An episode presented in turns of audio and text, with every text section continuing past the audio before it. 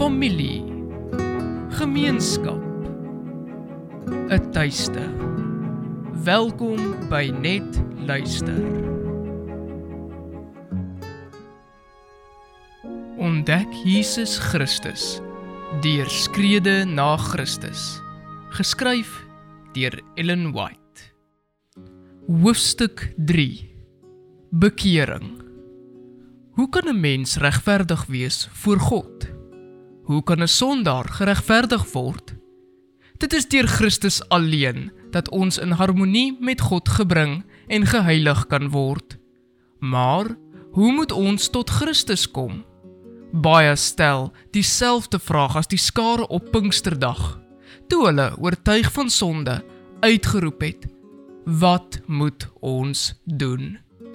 Die eerste woorde wat oor Petrus se lippe gekom het in antwoord op hulle vraag was: "Bekeer julle."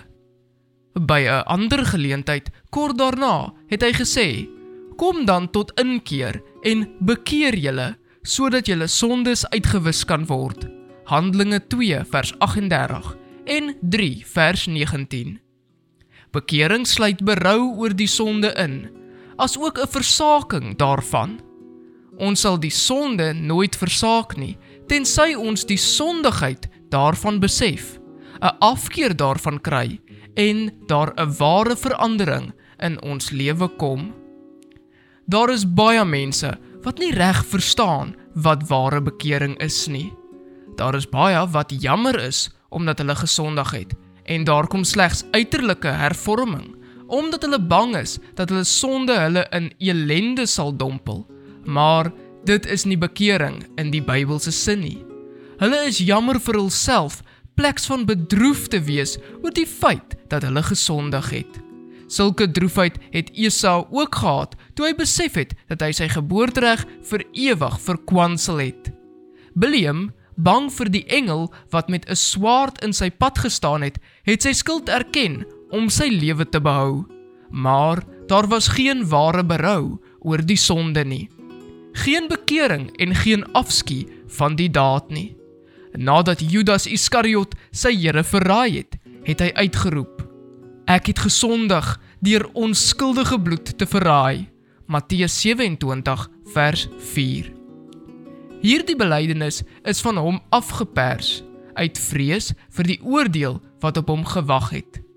Die gevolge van sy daad het hom met vrees vervul, maar daar was nie 'n diepgaande hartverskeurende berou in sy siel omdat hy die vlekkelose seun van God verraai en die heilige van Israel verwerp het nie. Toe die pla van God Farao getref het, het hy sy sonde bely, maar net om verdere straf te vermy. Want net sodra die pla opgehou het, het hy weer sy uitdagende houding teenoor die hemel ingeneem. Hulle het almal die gevolge van die sonde betreur maar daar was geen berou oor die sonde self nie. Maar as die hart om aan die invloed van die gees van God onderwerp, sal die gewete aangespoor word en die sondaar sal 'n besef kry van die heiligheid van God se wet wat die grondslag is van sy regering in die hemel en op die aarde.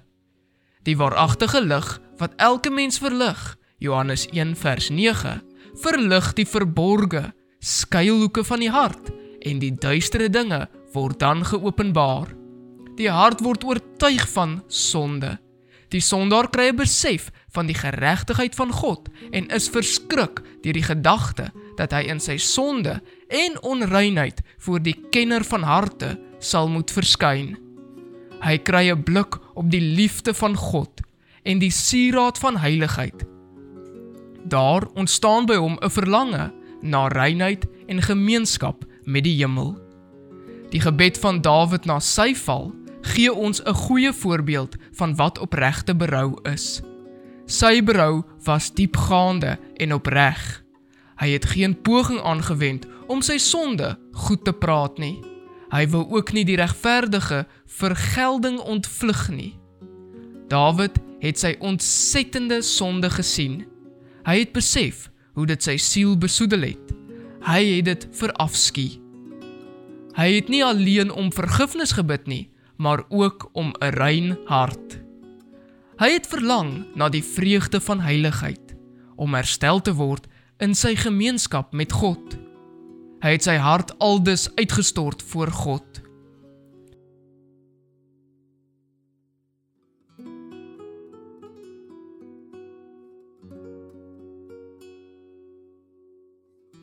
Welgeluksalig is hy wie se oortredinge vergewe, wie se sonde bedek is. Welgeluksalig is die mens aan wie die Here die ongeregtigheid nie toereken nie en in wie se gees geen bedrog is nie. Psalm 32 vers 1 en 2. Wees my genadig, o God, na u goedertierenheid. Delg my oortredinge uit na die grootheid van u barmhartigheid, want ek ken my oortredinge en my sonde is altyd deur voor my. Ontsondig my met hisop dat ek kan rein wees. Was my dat ek witter kan wees as sneeu. Skep vir my 'n rein hart, o God, en gee opnuut in die binneste van my 'n vaste gees. Verwerp my nie van u aangesig nie en neem u Heilige Gees nie van my weg nie. Gee my weer die vreugde van u heil en ondersteun my deur 'n gees van vrymoedigheid. Red my van bloedskuld, o God, God van my heil. Laat my tong u geregtigheid uitjubel. Psalm 51 vers 1 tot 46. 'n Bekering soos hierdie kan nooit uit ons eie krag voortkom nie. Dit kom alleen van Christus wat opgevaar het en gawes aan die mense gegee het. Net hier maak baie 'n fout en daarom slaag hulle nie daarin om die hulp te verkry wat Christus hulle graag wil skenk nie. Hulle meen dat hulle nie na Christus mag kom voor hulle tot bekering gekom het nie en dat bekering die weg berei vir die vergifnis van hulle sondes. Dit is waar dat die bekering die vergifnis van sondes moet voorafgaan, want dit is slegs die gebroke en boetvaardige hart wat sy behoefte aan 'n verlosser sal besef. Maar moet die sondaar wag tot hy eers tot bekering gekom het voordat hy na Jesus mag kom? Moet bekering dan die struikelblok gemaak word tussen die sondaar en die verlosser? Die Bybel leer nie dat die sondaar eers tot bekering moet kom voordat hy die uitnodiging van Christus kom na my toe, almal wat vermoeid en belas is, en ek sal julle rus gee, kan aanneem nie. Matteus 11 vers 28. Dit is 'n krag wat van Christus uitgaan wat tot ware bekering lei. Petrus maak dit baie duidelik as hy sê: "Hom het God as leidsman en verlosser deur sy regterhand verhoog om aan Israel bekering en vergifnis van sonde te skenk." Handelinge 5 vers 31. Ons kan net so min tot bekering kom sonder die gees van Christus wat eers ons gewete moet wakker maak as wat ons sonder hom vergifnis kan verkry. Christus is die bron van alle goeie ingewings en voornemens. Hy alleen kan in die hart 'n afkeer van die sonde verwek. Elke verlange na waarheid en reinheid, elke oortuiging van ons eie sondigheid is 'n bewys dat sy gees in ons hart werk.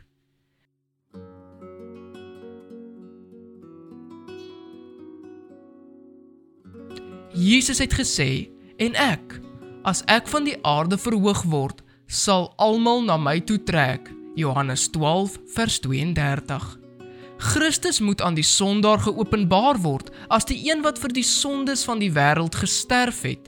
En na mate ons die lam van God aan die kruis van Golgotha aanskou sal die verborgenheid van die verlossing vir ons duidelik begin word.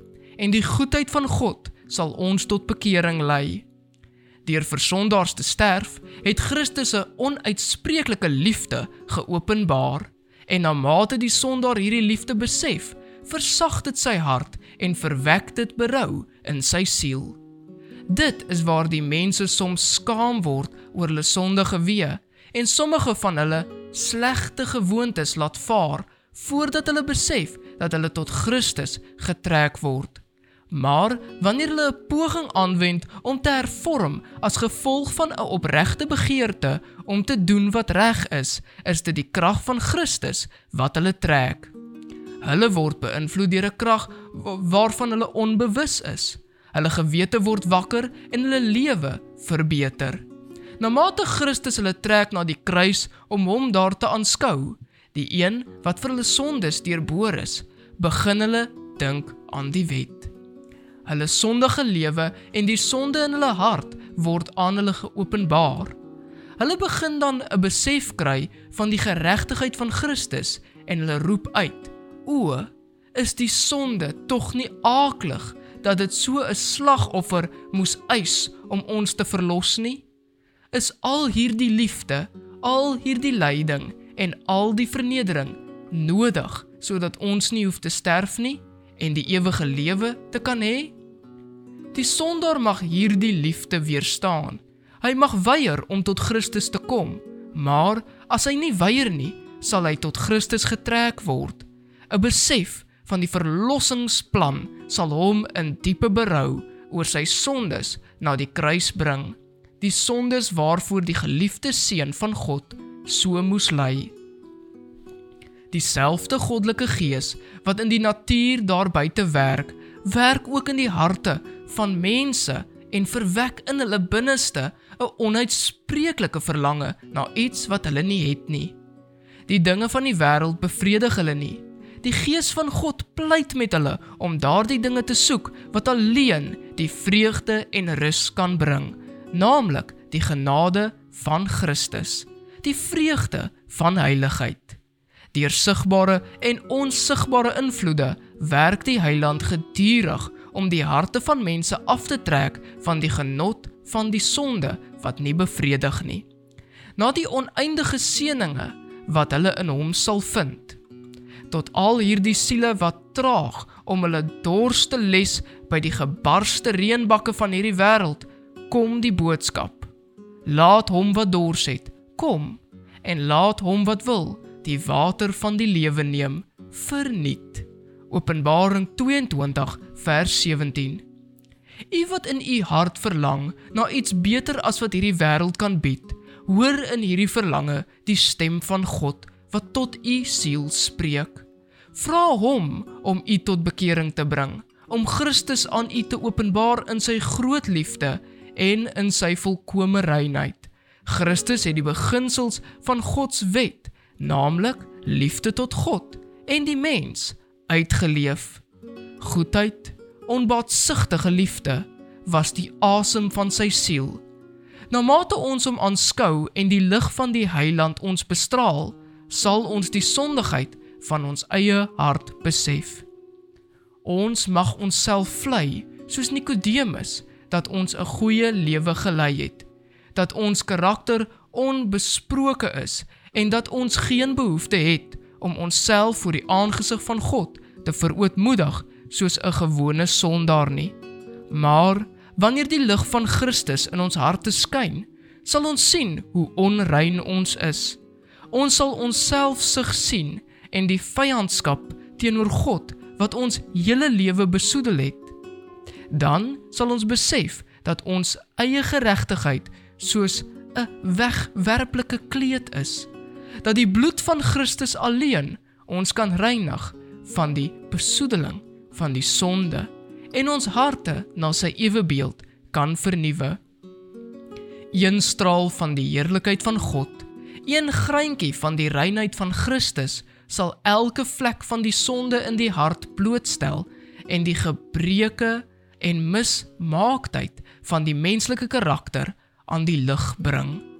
Dit sal die onheilige begeertes, die ontrouheid van die hart en die onreinheid van die lippe openbaar. Die sondaar se oortreding van God se wet word aan hom getoon en sy gees is versla onder die deurtastende invloed van die gees van God. Hy verafskie homself waar hy 'n blik kry op die reine, vlekkelose karakter van Christus.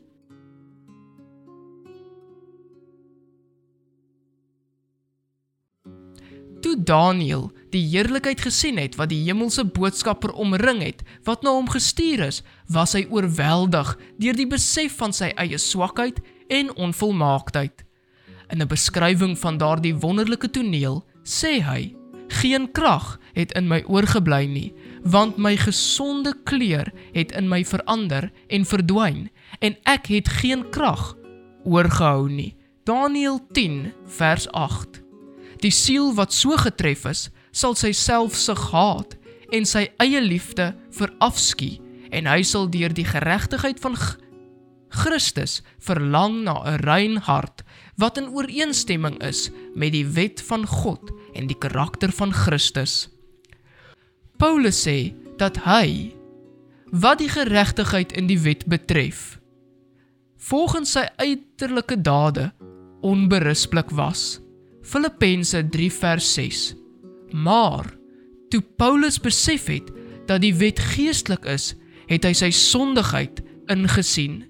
Geoordeel volgens die letter van die wet, soos mense dit gewoonlik op die uiterlike lewe toepas, was hy onskuldig. Maar toe hy die diepere betekenis van daardie heilige voorskrifte begin besef en homself gesien het soos God hom sien, het hy in ootmoed neergebuig en sy skuld bely.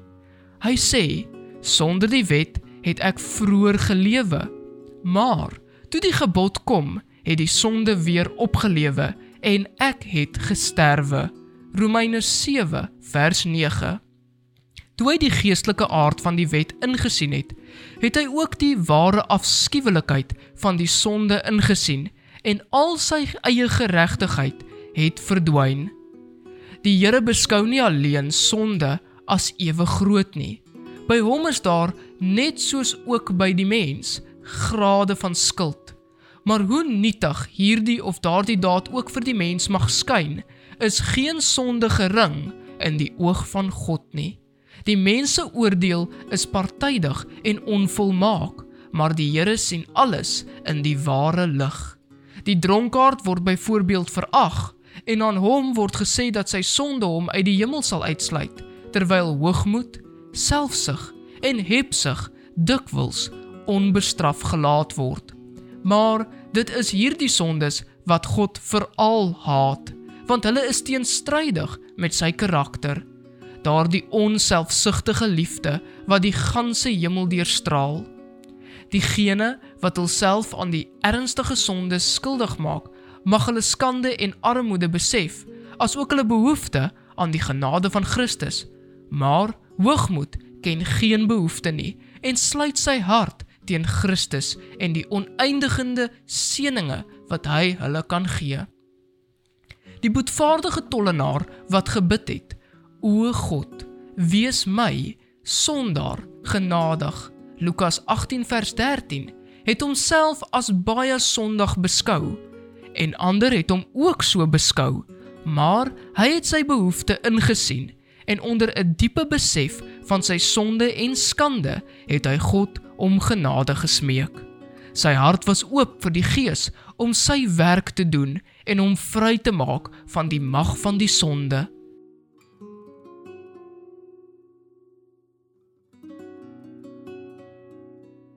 Die Fariseer se vermetele eie geregtige gebed het getoon dat sy hart gesluit is vir die invloed van die Heilige Gees. Omdat hy so ver van God afgedwaal het, kon hy geen besef vorm van sy eie onreinheid in teenstelling met die goddelike heiligheid nie. Hy het geen behoefte gevoel nie en het dus ook niks ontvang nie. As u u sondigheid insien, moet dan nie wag om u self eers te verbeter nie. Hoe baie is daar wat nie dink dat hulle nie goed genoeg is om na Christus te kom nie. Dink u dat u uself kan verbeter deur u eie pogings? Kan 'n kusiet sy vel verander of 'n luiperd sy vlekke? Dan sal julle ook in staat wees om goed te doen, julle wat gewoond is om kwaad te doen. Jeremia 13 vers 23. Vir ons is daar alleen by God hulp. Ons moenie wag op sterker oortuigings, op beter geleenthede, op reiner harte nie, want uit onsself kan ons niks doen nie. Ons moet na Christus kom net soos ons is. Maar laat niemand homself bedrieg met die gedagte dat God in sy groot liefde en ontferming uiteindelik self diegene sal red wat sy genade verwerp nie. Die vreeslike sondigheid van die sonde kan alleen in die lig van die kruis reg besef word. Wanneer mense die argument aanvoer dat God te goed is om die sondaar te verwerp, laat hulle dan 'n blik op Golgotha werp. Dit was omdat daar geen ander manier was om die mens te red nie. Omdat die mens sonder hierdie soenoffer onmoontlik kon verlos word uit die mag van die sonde en herstel word in sy gemeenskap met heilige wesens en ook omdat dit onmoontlik vir hom was om die geestelike lewe deelagtig te word dat Christus die skuld van die sondaar op hom geneem en in sy plek gesterf het. Die liefde en lyding en dood van die seun van God getuig van die ontsettende grootheid van die sonde en verklaar dat daar slegs een manier is om van die mag van die sonde verlos te word en 'n beter lewe te lei. En dit is die oorgawe van die hart aan Christus. Die onboetvaardiges verontskuldig hulself soms deur aanspraak te maak op die naam Christene en hulle sê ek is net so goed as hulle. Hulle is nie onbaatsigtiger, magtiger en versigtiger as ek nie. Hulle het plesier en hulself net so lief soos ek. Op hierdie manier wil hulle die foute van ander gebruik om hulle eie pligsversuim te regverdig. Maar die sonde en gebreke van ander sal niemand verontskuldig nie, want die Here het nie vir ons 'n sondige menslike voorbeeld gestel nie. Die vlekkelose seun van God is gegee as ons voorbeeld en diegene wat kla oor die slegte voorbeeld van die naam Christene is juis hulle wat beter behoort te leef en 'n beter voorbeeld te stel. As hulle dan so goed weet hoe 'n Christen hom behoort te gedra, is hulle sonde dan nie des te groter nie? Hulle weet wat reg is en tog weier hulle om reg te doen. Pas op vir uitstel. Moenie uitstel om u sonde te versaak en u hart deur Christus te laat reinig nie. Dis juis in hierdie verband waar duisende al 'n fout begaan het tot hul ewige verdriet. Ek sal nie hier wys op die kortstondigheid van die lewe nie, maar daar is 'n groot gevaar, 'n gevaar wat nie goed besef word nie. Om na te laat om na die pleitstem van die Heilige Gees te luister en voort te leef in die sonde want dit is tog wat afstel beteken. Sonde, hoe gering ons dit ook mag ag, stel ons altyd aan die grootste gevaar bloot. Die gevaar dat ons vir ewig mag verlore gaan.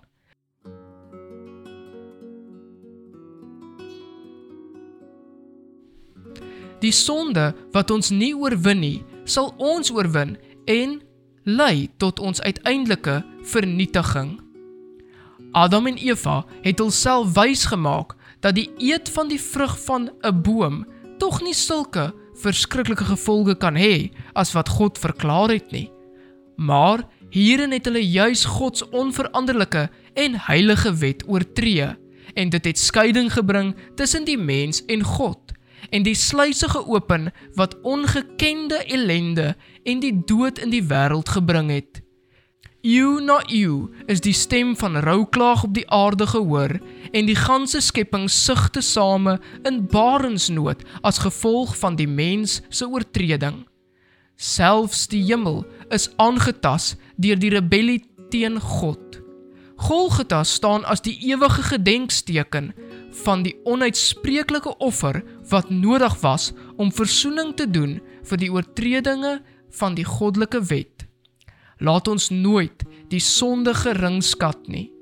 Elke oortreding, elke veragting of verwerping van die genade van Christus werk terug op u self.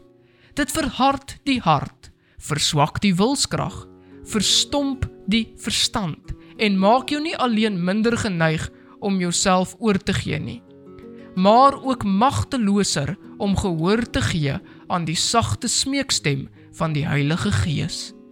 Baie mense probeer om hul skuldige gewete stil te maak deur te glo dat hulle, as hulle maar net wil, 'n ander weg kan inslaan en dat hulle hoewel hulle die roepstem van genade versmaai, later weer geleentheid sal hê om te gehoorsaam.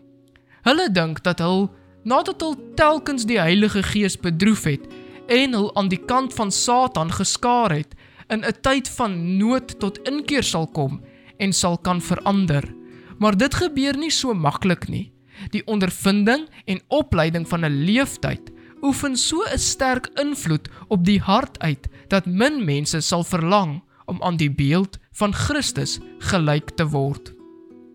Selfs een verkeerde karaktertrek, een sondige begeerte, as daarin volhard word, sal uiteindelik die invloed van die evangelie op die hart kragteloos maak. Elke sondige daad laat die siel verder afdwaal van God. Die man wat ongeloof openbaar of onverskillig is teenoor goddelike waarheid, oes maar net wat hy vroeër gesaai het. In die hele Bybel is daar nie 'n ernstiger waarskuwing teen die sonde as die van Salomo nie. Sy eie ongeregtighede vang hom, die goddelose, en in die vangstrikke van sy sonde word hy vasgehou. Spreuke 5 vers 22. Christus is altyd gereed om ons van die sonde te verlos, maar hy dwing niemand nie. As ons dan deur volharding in die sonde so verslaaf is daaraan dat ons geen begeerte het om daarvan verlos te word nie, as ons sy genade nie wil aanneem nie, wat kan hy dan nog meer doen? Ons het onsself vernietig omdat ons sy liefde steeds verwerp het. Kyk, nou is dit die tyd van welbehae. Kyk, nou is dit die dag van verlossing. 2 Korintiërs 6 vers 2. Vandag as jy sy stem hoor, verhard julle hart nie. Hebreërs 3 vers 7 tot 8. Die mens sien aan wat voor oë is, maar die Here sien die hart aan. 1 Samuel 16 vers 7. Hy sien die vreugde en die smart en die afvalligheid van die menslike hart waar soveel onreinheid en bedrog skuil. Hy is bekend met al ons beweegredes en planne gaan maar na hom toe met u hart, so vol sonde as dit is. Maak u hart voor God oop, soos die psalmdigter, en bid die volgende gebed: Deurgrond my o God en ken my hart.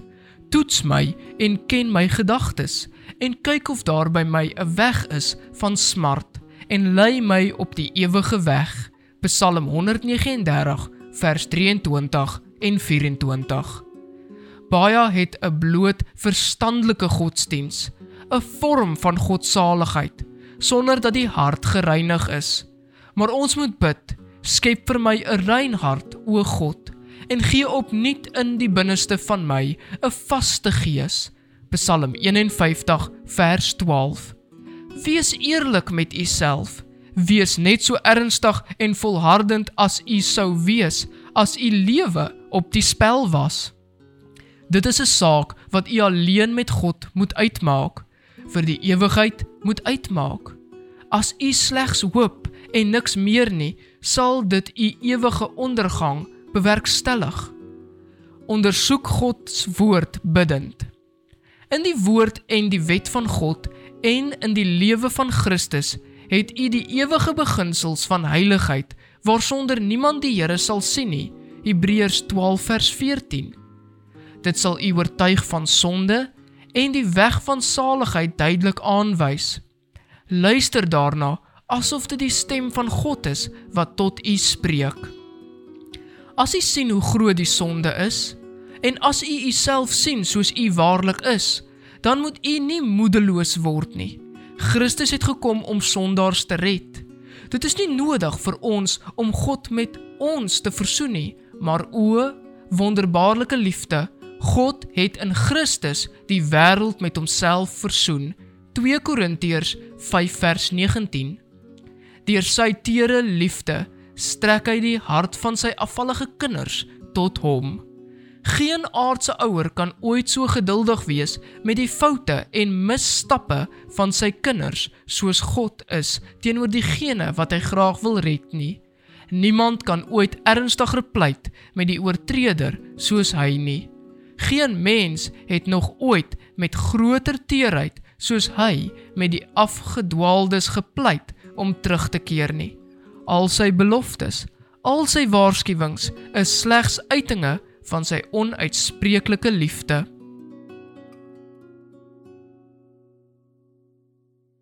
As Satan u vertel hoe 'n groot sondaar u is, vestig dan u oë op u verlosser en beroep u op sy verdienste. Dit sal u help om u oë op hom te vestig. Bely u sonde, maar sê aan die vyand dat Christus, Jesus, in die wêreld gekom het om sondaars te red. 1 Timoteus 1:15. En dat u ook deur sy liefde gered kan word. Jesus het aan Simon 'n vraag gestel omtrent twee skuldenaars. Die een het aan sy heer 'n klein bedragie geskuld, terwyl die ander 'n groot som geskuld het. Maar hy het albei se skuld kwytgeskeld en Christus het aan Simon gevra watter van die twee sy heer die meeste sou lief hê. Simon het geantwoord: "Die een aan wie die Heer die meeste geskenk het."